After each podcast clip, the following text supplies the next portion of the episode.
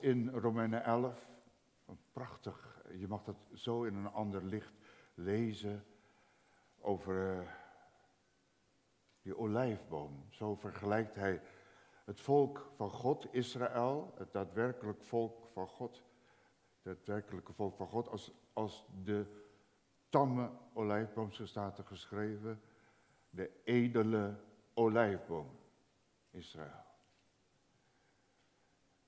Ik ga daar niet een hele preek over houden, maar ik wil daar toch wel mee beginnen. Israël is de olijfboom, voorgesteld door Paulus in Romeinen 11. En wij zijn, omdat wij niet Joods zijn van geboorte, zijn wij heidenen. Oorspronkelijk leven zonder God. Maar wat een genade door het verwerpen van het volk van Israël, uh, van Christus als Messias, vooralsnog is het evangelie naar ons toegekomen. Als het hele volk Israël, dat moet u zich voorstellen. Dat, aanvankelijk was dat ook zo de bedoeling eigenlijk, eh, als we dat goed lezen, het evangelie alleen voor het volk Israël. Maar God voorziet natuurlijk al van, eh, van, van tevoren zijn hele heilsplan. En het is zo geweldig om kort te zijn. Wij als heidenen hebben het evangelie mogen horen. En als we hem aangenomen hebben, dan zijn wij geënt in die olijfboom. Oorspronkelijk, zo zegt Paulus, waren wij takken van de wilde olijfboom. Waar we zijn door onze wedergeboorte en bekering geënt in de edele, tamme olijfboom, het volk Israël. Het, en, en samen mogen groeien. Dat de dag dat wij ook samen opgenomen mogen, zullen worden. En Paulus zegt ook, en dat zijn allemaal dingen die mij veel meer aanspreken als voorheen, veel meer, veel duidelijker worden.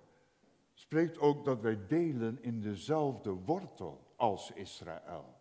Zo op die manier, als één olijfboom zijnde. En wat is die wortel?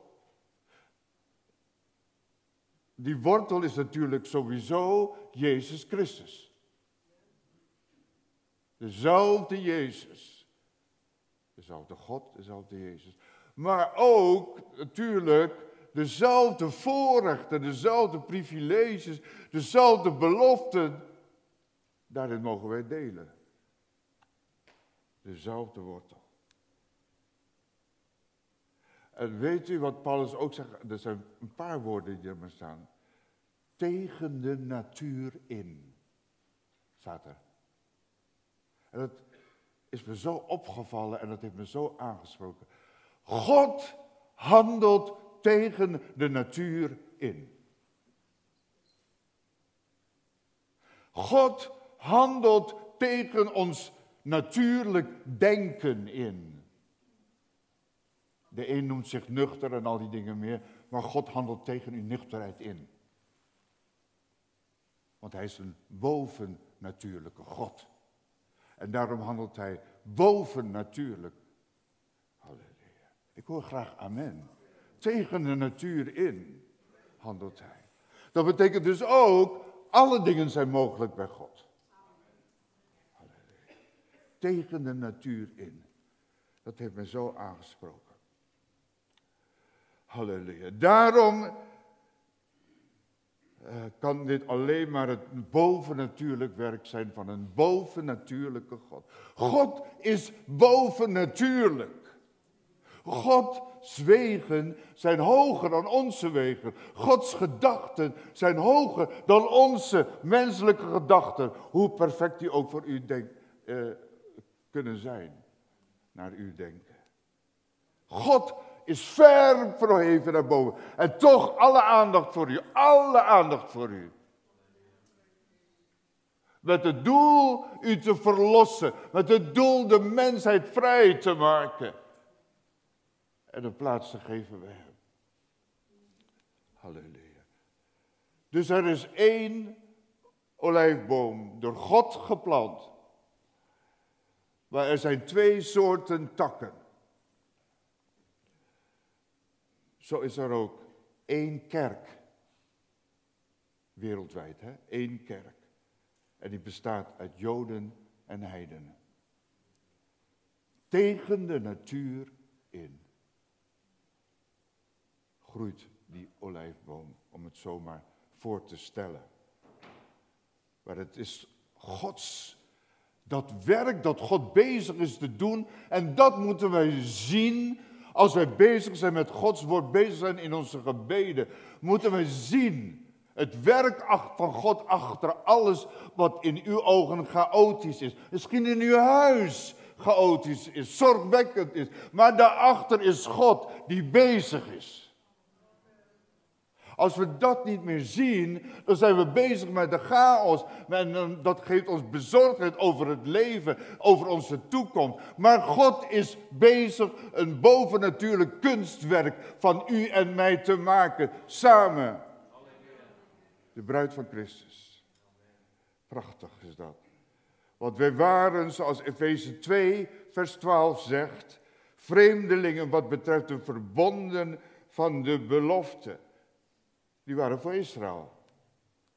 U had geen hoop. U had geen hoop. Kent u een leven zonder hoop? U had geen hoop. Zonder God had u geen hoop. En dat kunnen we niet voorstellen, want wij hebben onze hoop zoveel gevestigd op onze rijkdom, op ons mooie huis, op onze mooie auto. En volgend jaar ga ik een mooiere auto kopen. Hoop, hoop, hoop. Maar alles gaat voorbij. Alles is vergankelijk. Waar is uw hoop op gericht? Een hoop die blijft. Nee, een hoop die blijft niet. Dat wat u hoopt, dat blijft.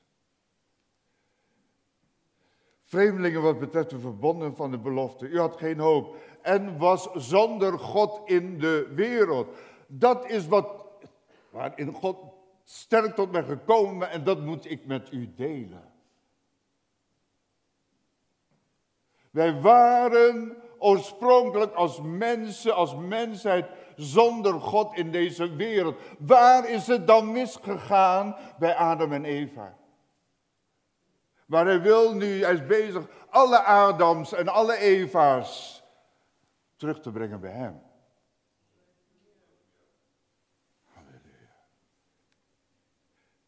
Jezus zegt over ons, niet Joden zoals wij zijn. Johannes 10, vers 16. Ik heb nog andere schapen. En die tekst is mij ook veel duidelijker geworden. Ik heb nog andere schapen die niet van deze schaapskooi zijn. Wij dus, heidenen. Ook die moet ik binnenbrengen. En ze zullen mijn stem horen, het woord van God, evangelie. En het zal worden één kudde, één kudde en één herder. Prachtig. Ziet u het plan van God? Halleluja. En er staat dan zo, ja, ja, ik vind het indrukwekkend om te lezen. Die moet ik binnenbrengen, zei Jezus. Je hebt mensen die krijgen al de kriebels als ze horen moeten, moeten. Ik moet dit en ik moet dat. En maar Jezus moest ook, daar staat er nog geschreven, u leest het. Die moet ik binnenbrengen. Was daar een dwang achter? Was daar uh, een verplichting? Had helemaal niet. Hij had helemaal geen verplichtingen ten aanzien van de mens. Helemaal niet. Want de mens had zich afgekeerd van God. Liep weg van God. Dat is een heilig moeten. Ziet dat het open staat. Een heilig moeten. Halleluja. God heeft ons getrokken heb ik geen slide van. Colossensen 1, vers 13. God heeft ons getrokken uit de macht van de duisternis en overgezet in het koninkrijk van de zoon van zijn liefde. Lieve mensen, dit vers moet u goed tot, ons, tot u laten doordringen. Wat uw positie was in deze wereld als mens oorspronkelijk. U hebt het nooit begrepen en nooit gerealiseerd, maar de Bijbel zegt dat was uw positie. U was in de macht van de duisternis. Ik ook. Iedereen. Ook als u denkt, nou, mijn ouders waren voorgangers. Ja, mijn ouders ook. Maar dat wil niet zeggen dat ik niet in de macht der duisternis was. Pas toen ik me bekeerde. Je kan met je ouders, met je vader en moeder, familie meekomen naar de kerk, dag in dag maar als je niet bekeert, dan kan God niets in je leven doen. Dan laat hij je staan totdat je roept. En er zal een moment komen in je leven dat je roept tot God. Dat niemand je kan helpen. Maar dat is het zalig moment. Wat God komt aan. Halleluja. Maar dat was onze positie. In de macht van de duisternis en overgezet in het koninkrijk van de zoon van zijn liefde, wat het ook is. Misschien denkt, ja, wat is dat nou precies? Nou, dat is in elk geval veel beter dan de macht van de, in de macht van de duisternis. En dan mag u de Bijbel opslaan, hoe heerlijk het is om een kind van God te zijn. Dat is het. Uit de macht van de duisternis heeft God ons getrokken en overgezet in het koninkrijk van de zoon van zijn liefde. Dat is tegen de natuur in. Tegen onze natuurlijke gedachten in. Want ik weet zeker dat er mensen in ons midden zijn. Oh, ik was toen in de macht der duisternis. Dat zijn onze natuurlijke gedachten. Nou, ik toch niet. Maar God handelt en spreekt tegen onze natuur in. Over onze natuur in. En hij handelt ook. Halleluja. Ja, ook over bidden, boven bidden en denken. Ja. Dat is ook tegen de natuur in. Dus er is iets bovennatuurlijks met ons leven gebeurd. En dat is een van de belangrijkste punten van deze boodschap. Er is, als je zegt, ik ben een kind van God, hoe lang dat geleden is, dat, dat kantelpunt ook gekomen is, hoe lang geleden, maar er is iets bovennatuurlijks in uw leven gebeurd. Het was niet uw eigen keuze, het was niet uw eigen handen. U zal het misschien ook wel horen, God leidt het zo, dat neem ik aan. Dat het horen, of het, de werken van de wet, en dat is niet de wet van Nederland, maar de wet van God, zoals het in het Oude Testament werd beschreven. Het handelen naar de oude wet in de gehoorzaamheid zelfs geeft ons niet de zaligheid. Want dat dachten ze toen wel in het Oude Testament. We gaan verder, u zult het straks duidelijker horen. Er is iets bovennatuurlijks gebeurd. God heeft ons macht gegeven om kinderen van God genoemd te worden. Is dat niet bovennatuurlijk? Ja, daar staan we niet zo vaak bij stil. En daarom, ja, zeker weten, te weinig dankbaarheid. Terwijl hij daarop wacht. Op je dankbaarheid, ook nu. Een nieuwe bovennatuurlijke identiteit. Ja, een bovennatuurlijke identiteit. Want ik ben niet meer Roy Manicus, ik ben een kind van God. Ja, ik ben nog Roy Manicus aan de buitenkant, maar binnenin groeit er een nieuwe mens. Het uiterlijk gaat voorbij, ook mijn naam. What's in the name? Ja, toch. Als je openbaringen leest, dan krijg je de naam van God, eh, of een naam die God ons geeft, de naam van het Nieuw Jeruzalem. Lees je dat maar. Allemaal over nieuwe namen en nieuwe persoonlijkheid. Dank u Heer voor uw offer, het offer van de Zoon van Jezus Christus. Want daardoor is dit alles tot ons kunnen komen. Straks zullen wij staan voor het lam. Gelovigen uit Israël, gelovigen uit alle andere, alle naties, alle landen. Lees openbaringen over het, het gezang dat daar klinkt. U heeft ons verlost. met uw bloed en heeft ons gemaakt tot koningen en priesters. Dat gezang. Openbaringen 7, vers 10. De zaligheid wordt er dan gezongen, is van onze God, die op de troon zit en van het lam. Galaten 2, vers 20. Ik ben met Christus gekruisigd en niet meer ik leef, maar Christus leeft in mij. En voor zover ik nu in het vlees leef, dus als mens hier op aarde, leef ik door het geloof in de Zoon van God, die mij heeft liefgehad en zichzelf voor mij heeft overgegeven. Wat een schatten. Wat een redenen, want er staan verschillende redenen in één, in één vers, om dankbaar te zijn.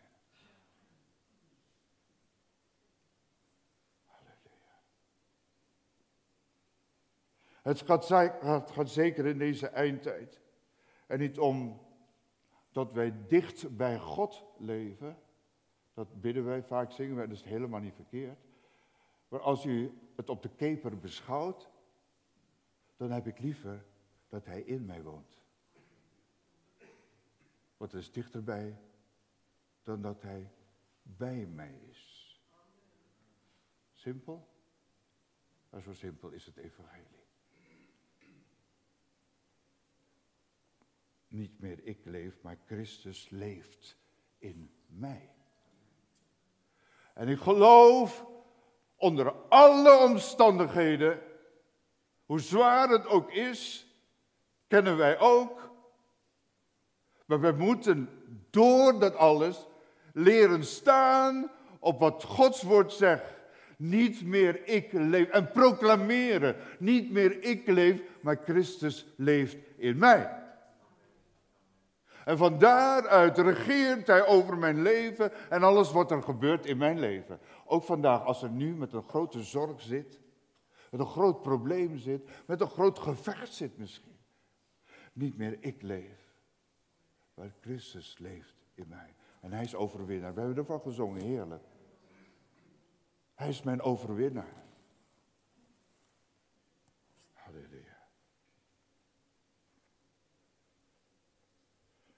Dit vraagt, Christus leeft in mij.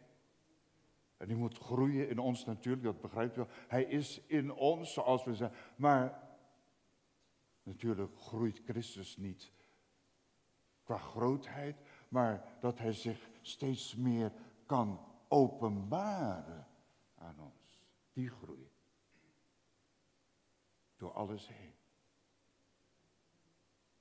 Dat je bijvoorbeeld zegt, ja, twee jaar geleden was ik in een soort gelijke situatie. Maar toen reageerde ik heel impulsief en heel opstandig, of heel boos en geërgerd of geïrriteerd. Maar nu kan ik rustig zijn. Christus gaat meer leven in je. Halleluja. Dit vraagt dus heiliging van ons leven hier in deze wereld. We hebben de afgelopen preken van gehoord, maar wat mij betreft God brengt mij steeds weer terug, vele malen, als ik bezig ben met Gods woord, naar dat punt. Heilig maken. Heilig is God. En daarom verlangt hij dat wij datzelfde niveau gaan bereiken. Dat is gewoon geweldig. Hij wil niet de beste zijn, om maar zo te zeggen. Want hij zegt, wees heilig, want ik ben heilig. In dat opzicht. Heiliger dan God kunnen we niet zijn natuurlijk. Hij is heilig. Met andere woorden, hij nodigt ons uit om naar zijn niveau te komen, te groeien. Halleluja. Heiliging van ons leven. Dat betekent niet, wat voor jonge mensen misschien, bijvoorbeeld kan het een heel hoogdravend woord zijn, onbereikbaar voor mij, zeg jij, denk misschien bij jou, heilig, heilig. Maar het woord geldt voor iedereen.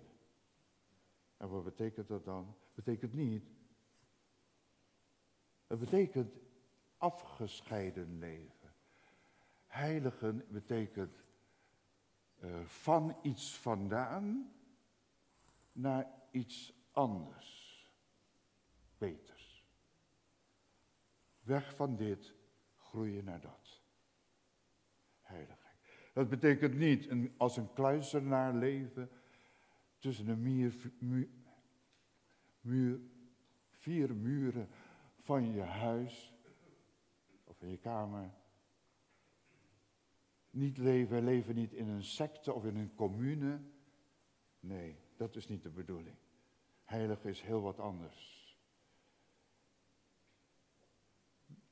Nogmaals, het werkt waar je ook bent, van iets naar iets anders toe.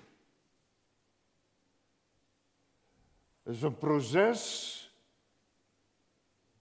dat inhoudt anders leven, anders denken, anders voelen,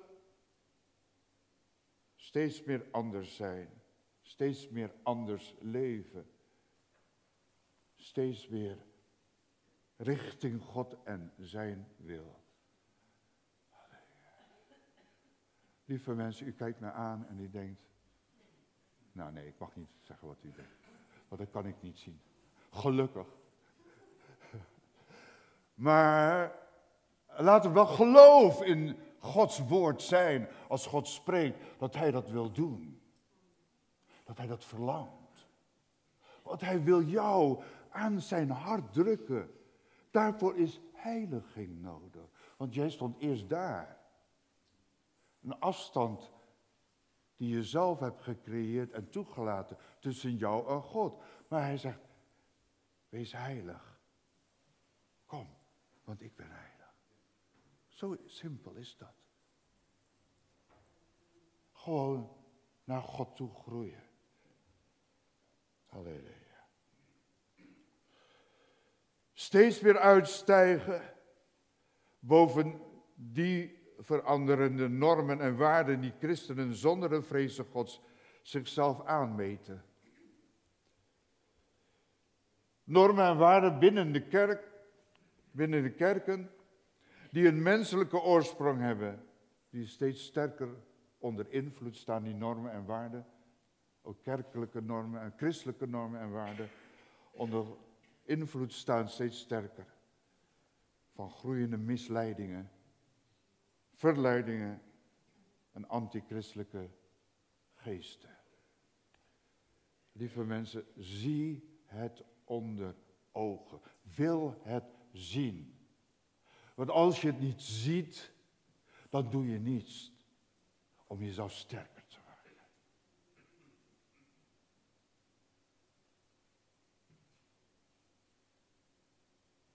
Wat er gebeurt in het Midden-Oosten op dit moment, al vanaf 7 oktober. Waarom kan het zich niet uitbreiden? En welke garantie hebben wij dat het zich niet uitbreidt? Dan hier, dan daar, dan daar, dan daar. Wordt één groot vuur. Gods woord spreekt ervan. En wat doen wij? We gaan gewoon verder met ons leven en natuurlijk, dat doe ik ook. Maar ik hou me wel bezig met, wees heilig, want ik ben heilig. Want wanneer denken we er anders aan te beginnen? Halleluja. Gelaten 2 vers 16 zegt, weten dat een mens niet gerechtvaardigd wordt uit de werken van de wet. Dus door zich te houden aan de wet. En nou, wat is dan de wet? Ik noem een voorbeeld, dat kent u allemaal. Je zult niet doden, je zult niet stelen. Dat zijn wetten van God onder andere. Meer dan alleen de tien geboden hoor. En als je daaraan kan gehoorzamen, niemand kan aan de hele wet van God gehoorzamen. Maar als je daaraan zou kunnen gehoorzamen, als dat jouw streven is, gehoorzaamheid aan God alleen, nou dan ben je wel al heel erg verder natuurlijk, dat wel.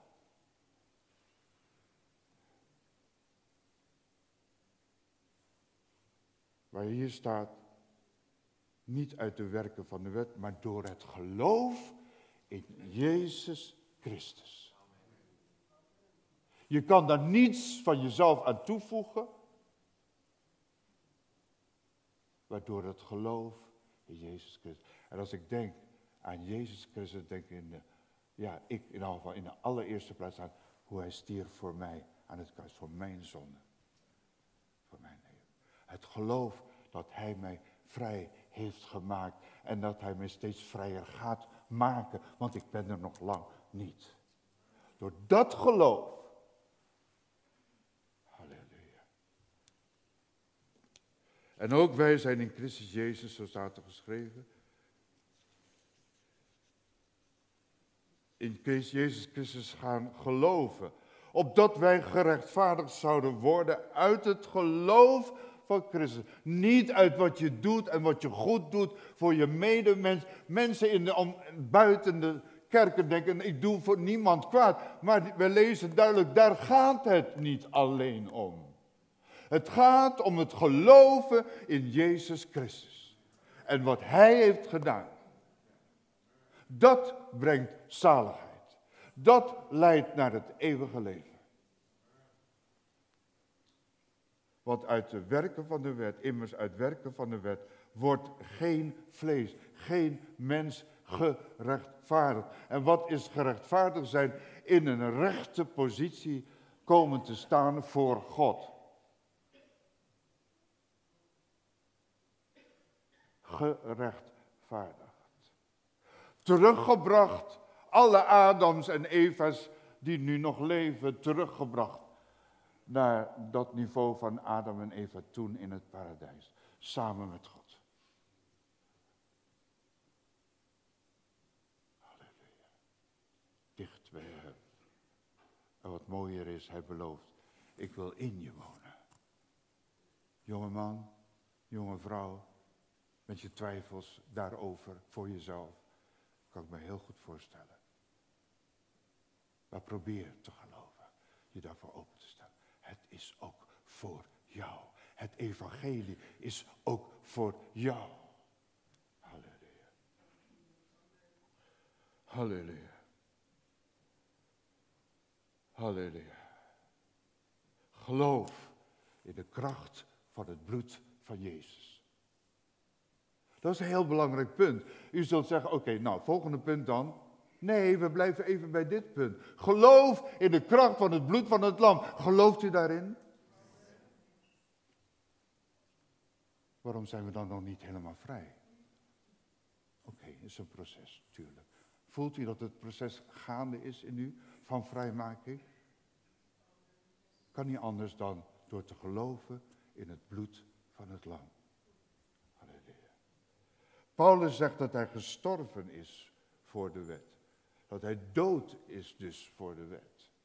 Dat betekent, de wet is gegeven, oorspronkelijk de oude wet, om mensen van Gods wegen, God wilde dat op die manier, duidelijk maken wat goed is en wat niet goed is. Om heel simpel te zeggen, u zult nu zeggen, ja natuurlijk, maar dat weet ik wel. Maar toen leefden ze heel anders.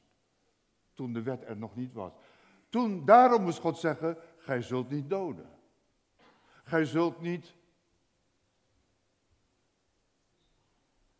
overspel plegen. De wet maakt duidelijk dus wat goed is en wat niet goed is. De wet maakt duidelijk wat niet goed is met de straf daarop volgend. Dat is de wet. En de wet moest onder het oude verbond, de oude uh, wet, moesten de mensen zelf dit in orde maken voor God. Op hun eigen manier. Door bijvoorbeeld offers te brengen. Maar Jezus Christus kwam om het offerlam te zijn voor altijd. Voor eer voor mij. En de wet heeft geen invloed. Het gevolg van de wet, het oordeel vanuit de wet, de straf dus, geldt niet meer voor ons als je een kind van God bent.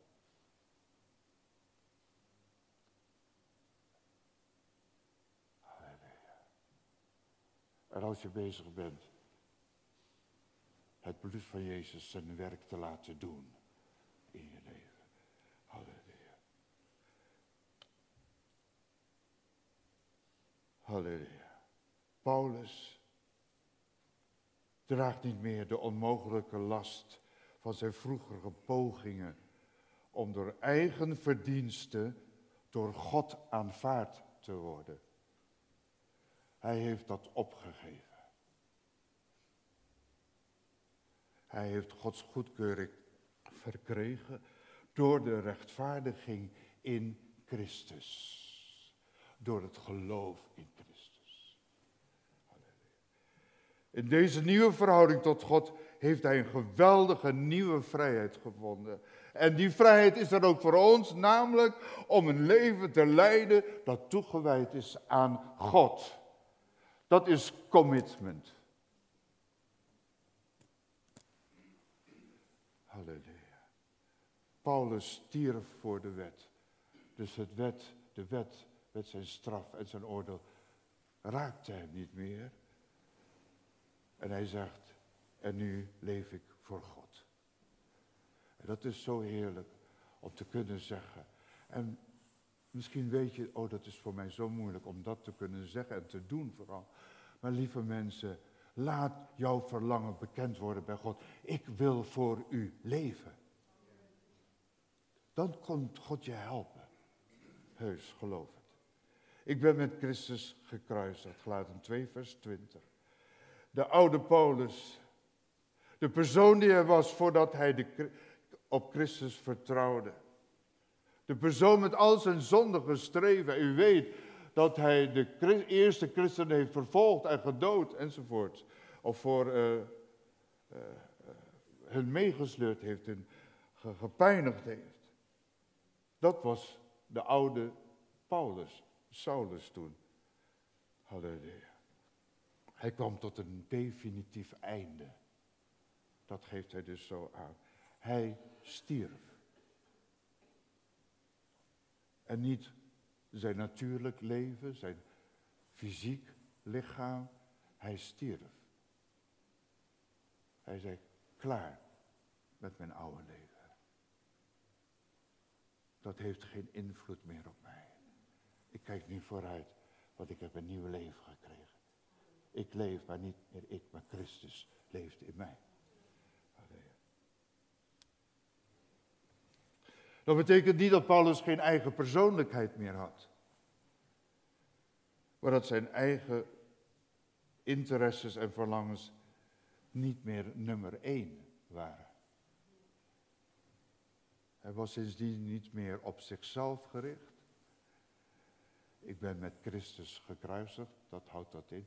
Niet meer op mezelf gericht, maar op Christus die voor hem was gekruisigd tot de dood in zijn plaats in zijn plaats, in jouw plaats.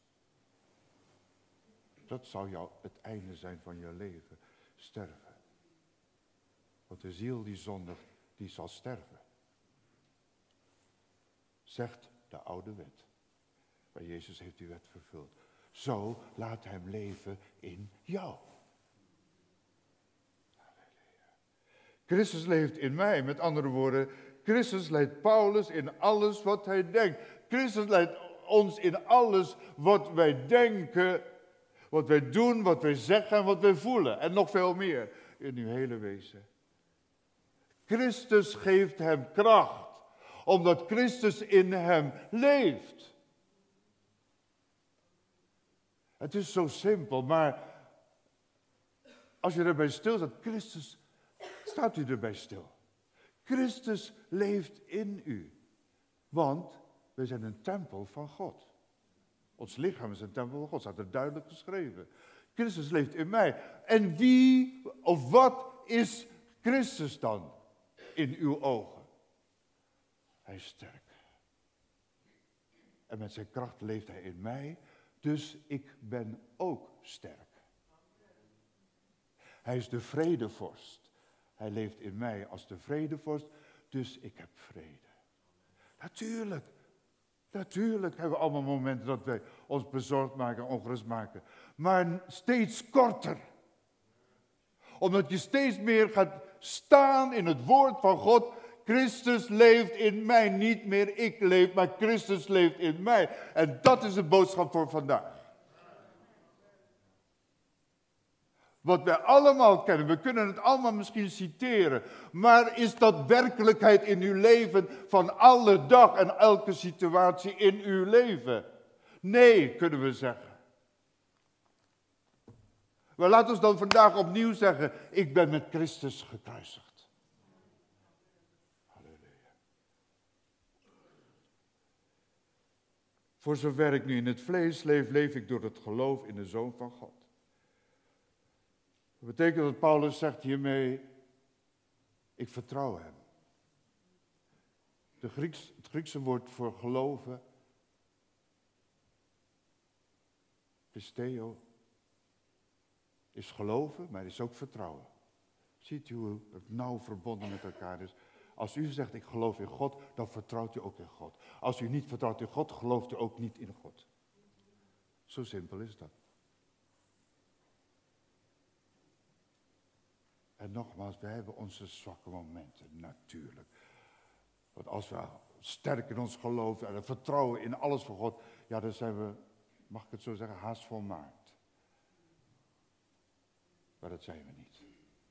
Maar laat dat ons streven zijn. Gods woord spreekt niet van, oh, prachtige boodschap, heeft goed gesproken. En ik ga weer, pak weer de eh, oude draad van bezorgdheid op. Lieve mensen, daarvoor bent u niet hier om naar Gods stem te horen. God wil iets veranderen in ons leven. En het moet radicaal gebeuren. Wilt u radicaal zijn? Dan zegt u, ik open mijn hart. Ik wil anders zijn. Ik leef niet meer, maar Christus leeft in mij. En dat is deze boodschap waarin God ook tot me kwam. Lieve mensen, we moeten radicaal zijn in deze tijd. Niet maar alleen hoorders zijn, maar ook daders van het woord van God. Want hoorders blijven zwak, daders worden sterk. Halleluja. Gaat ook voor mij hoor.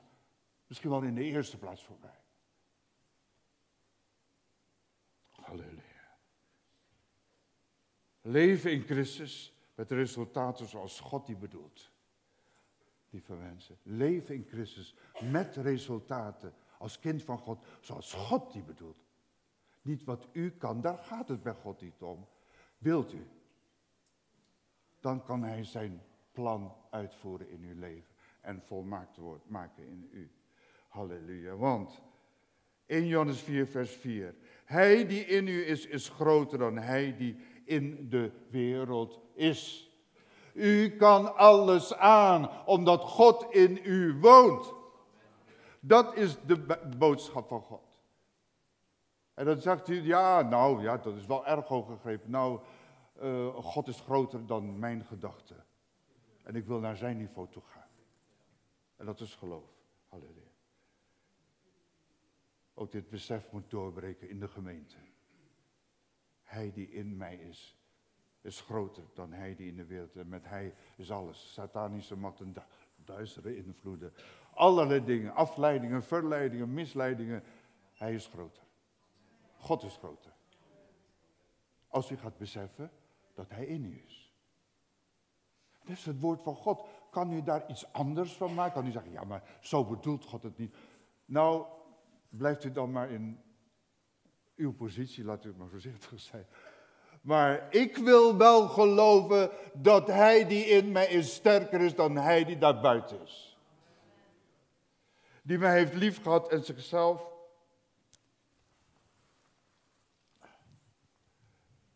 Heb ik straks nodig. Die mij heeft lief gehad en zichzelf voor mij heeft overgegeven. Voor mij, zegt Paulus. Dus niet voor een ander, jawel. Maar daarmee geeft Paulus aan, geïnspireerd door de Heilige Geest, God werd persoonlijk. Aan het kruis droeg Jezus de zonde van elke afzonderlijke gelovige. Want er staat voor mij. Dit laat zien dat de kruisiging een gebeuren was gericht op ieder mens persoonlijk, individueel. Ook jij. Hoe je hart opgesteld is en hoe je luistert naar de, het woord van God. Ook jij. God wil individueel werken. Halleluja. Een persoonlijke uiting van liefde van Christus voor mensen als individuele schepselen. Een offer voor allen en voor altijd gebracht.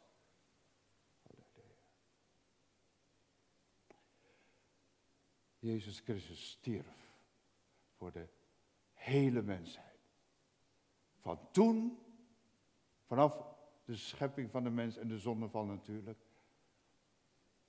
Door de eeuwen heen, vandaag en voor zover we nog tijd krijgen, ook die mensen. Daar moet u, heb ik bij stilgestaan. Weet u,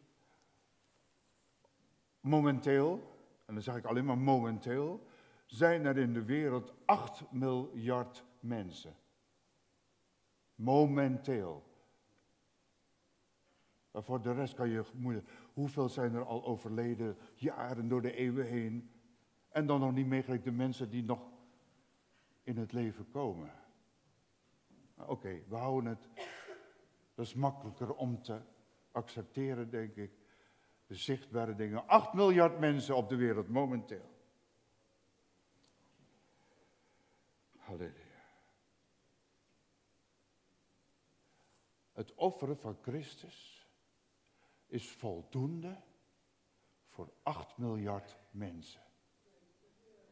Niet 8 miljard min 10, 8 miljard min een miljoen, 8 miljard mensen. En dat is zo mooi als er bij stilstaat. Het, hoe groot het offer van Christus is. Alleen al voor 8 miljard nu nog levende mensen. 8 miljard. Kan je geen voorstel maken, een miljoen is al veel. En een miljard is duizend miljoen. Heb ik het goed? Laat staan 8 miljard. In Nederland wonen er soms ongeveer, dacht ik, 18 miljoen mensen. Maar het gaat hier om 8 miljard mensen. Maar het offer van Christus wordt, was bestemd voor 8 miljard mensen die nu nog leven.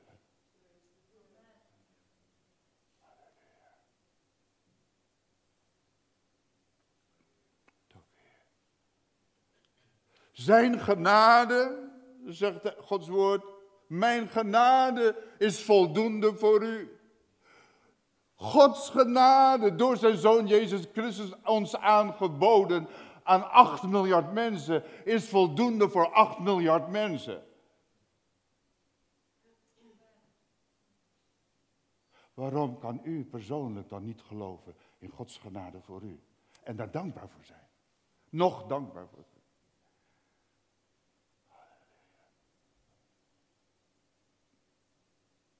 Als u de enige, dan zult u zeggen, daar heb je hem weer, maar dat is altijd een prachtig beeld, vind ik. Als u de enige mens was die God heeft geschapen, de enige mens op aarde, uh, dan had hij u nog de moeite waard gevonden om naar de aarde te komen. Oh, dat heeft me zo gegrepen. Ik heb er nooit zo echt bij stilgestaan. Dan had hij u nog de moeite waard gevonden om naar de aarde te gaan en te sterven voor u. Kan je niet voorstellen hoe groot Gods liefde is, maar ook zijn genade. Prachtig.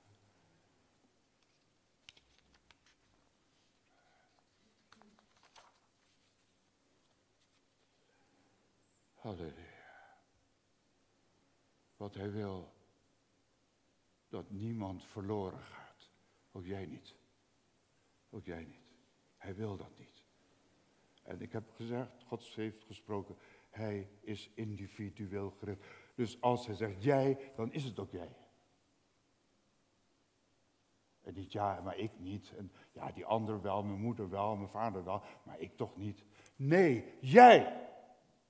Hij vond jou de moeite waard, hoe je ook leeft vandaag. Hij vond toen de tijd jou de moeite waard om naar de aarde te gaan. Kerst staat voor de deur, daar denken we aan, maar we mogen, moeten er nu aan denken en dankbaar zijn. om naar de aarde te gaan.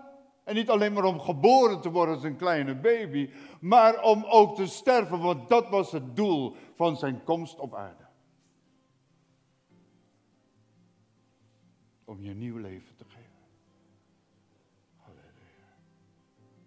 Want dat was zijn missie van Jezus toen hij naar de aarde werd gezonden. Dat is eigenlijk niet op goed woord, want het was volledig vrijwillig. Maar laten we het zo houden. Zijn missie was, laat geen mens verloren gaan. Laat geen mens verloren gaan. Dat is het evangelie dat uit genade ook vandaag, 3 december 2023, en dat u erbij mag zijn, is ook genade dat u dat hoort. Van God, dit komt van God. Neem het aan. En wees dankbaar. Opnieuw dankbaar. Zonde op zich is zo'n ernstig probleem dat alleen de plaatsvervangende, verzoenende dood van de Zoon van God dit kan oplossen. Er was geen andere oplossing voor jouw leven. Er was geen andere oplossing van mijn leven dan alleen de dood van Jezus Christus en natuurlijk zijn opstanding. Want met zijn opstanding bevestigde hij, dit is, de zoon, dit is mijn zoon, de zoon van God.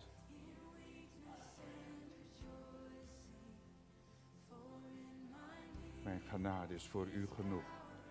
2 Korinthe 12 vers 9. En daarmee zal ik eindigen. Mijn genade is voor u genoeg. Gods genade is dekkend voor het complete leven van zoveel mensen. Gods genade is genoeg voor jouw leven. En daarom zegt Paulus ook, en dat kan ik steeds meer benadrukken voor mezelf. Ik leef uit genade. Ik leef uit en mogen dat aan het eind van deze preek alle reden geven aan u om God te danken, om Hem te aanbidden. Genade. Daardoor leef ik. Daardoor ben ik hier. En genade is er genoeg voor jou. Wat zegt u? Paulus zegt, ik leef uit genade. Wat zegt u? in uw hart naar God.